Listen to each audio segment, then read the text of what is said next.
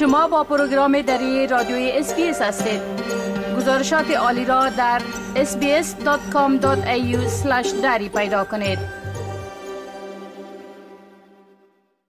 اگر به تعطیلات در ویکتوریا فکر می کنید تا کمتر از دو سال دیگر می توانید انتظار داشته باشید که هزینه های غیر منتظره هنگام رزرو اتاق یا خانه از طریق Airbnb پرداخت کنید. ویکتوریا اولین ایالت استرالیا است که برای مقابله با اثرات اجاره کوتاه مدت بر بحران مسکن بر این بخش مالیات وضع می کند. از اول جنوری 2025 مسافران مجبور خواهند بود که برای اجاره کوتاه مدت اتاق و خانه 7.5 درصد مالیات پرداخت کنند. این مالیات بخشی از اصلاحات گسترده ویکتوریا برای رفع کمبود عرضه مسکن است. دانیل اندروز نخست وزیر ویکتوریا گفت که این مالیات 7 دلار و 50 سنت در هر 100 دلار خواهد بود و هر سنت آن صرف مراقبت و ساخت مسکن اجتماعی قابل استطاعت خواهد شد. We think it's only fair that a modest charge on that that type of housing contributes to properties that are available for the long-term rental market. $7.50 per $100 you pay, every single cent will go to Homes Victoria. To build more houses and maintain houses. حکومت ویکتوریا انتظار دارد از سال 2025 و بعد سالانه 70 میلیون دلار مالیات اجاره کوتاه مدت جمع آوری کند. این ابتکار به عنوان یک عامل بازدارنده در نظر گرفته شده است تا صاحب خانه ها و سرمایه گذاران مسکن را از بازار اجاره کوتاه مدت دور نگه دارد. همچنین این ابتکار دولت راهی برای استفاده از موفقیت بازار مجازی اجاره اقامتگاه های کوتاه مدت جهت تأمین مالی ساخت و ساز مسکن جدید دیده می شود. آقای اندروز می گوید که بیش از 36 هزار مسکن اجاره کوتاه مدت در ویکتوریا وجود دارند که تقریبا نیمی از آنها در مناطق اطرافی یا ریجنال هستند. او می‌گوید که پلتفرم های مانند بی و استیز تاثیر مثبت بر صنعت گردشگری داشتهاند و مهم است که قانونگذاران هنگام وضع قوانین بر این پلتفرم ها تعادل را حفظ کنند. Now, I don't expect this to be universally popular. Some people will say it's too high, some people will say it's not high enough. Some people want Airbnb and these sorts of platforms banned or some limit of 90, 90 nights a year and stuff like that. Ultimately, there's a place for short stay. Uh, it, it's, it's very important. Uh, a lot of people use it and like it. ایچم کوری مدیر امور دولتی و شرکتی شرکت استیز است. آقای کوری ادعا می کند که با هدف قرار دادن مستقیم پلتفرم های چون استیز این اصلاحات راه گریزی را برای صاحبان املاک باز می کند تا به اجاره خصوصی رو بیاورند و از پرداخت مالیات خودداری کنند. To sum it up, it's ill conceived. It's not going to achieve what uh, the government hopes it will because it's targeting only the short term sector and only the platforms on that sector. All that's going to take for people to avoid having to collect and pay this will be to take themselves off platforms. That means that it won't collect any money and the government will have missed an opportunity.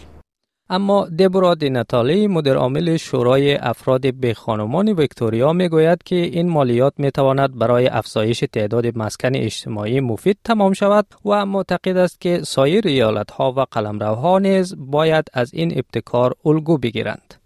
We absolutely welcome the levy, which is a very modest levy for people who are staying in short term stays.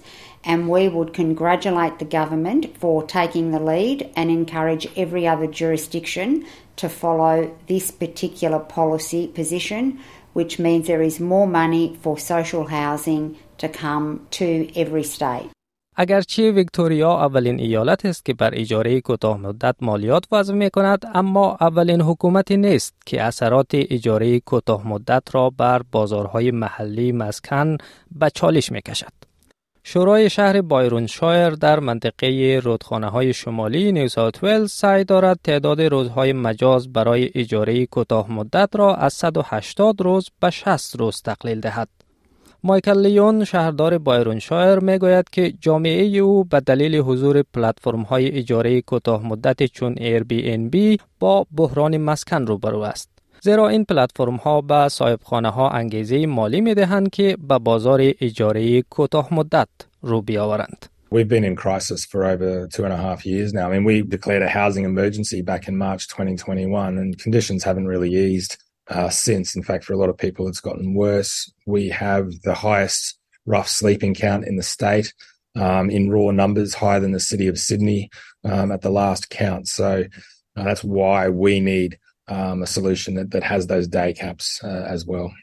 شهرداری بایرونشایر منتظر تایید اصلاحات پیشنهادی خود از سوی پول اسکالی وزیر برنامه ریزی نیو ساوت ولز است که انتظار می رود در ماههای آینده حکم نهایی خود را صادر کند.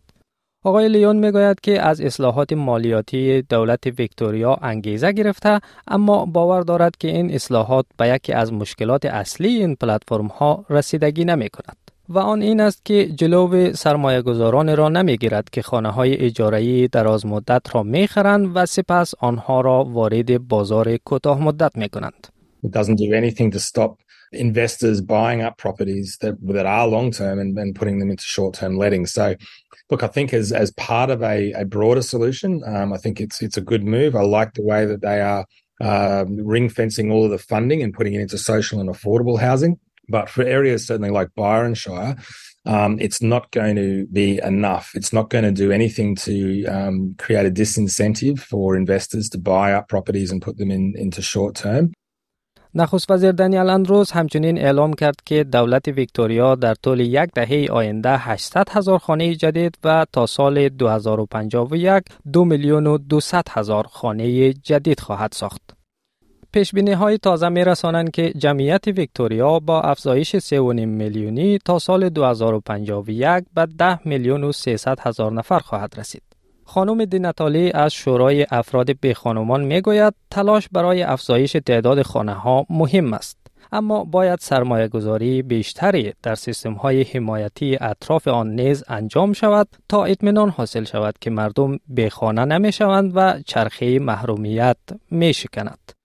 Housing is one part of the picture, and the other part is we need people who are experiencing vulnerability to be supported in those homes, and that can be a range of supports, whether it's parenting support, whether it's support to keep children in education, or whether it's support to get people back in employment and being really great included members in their community.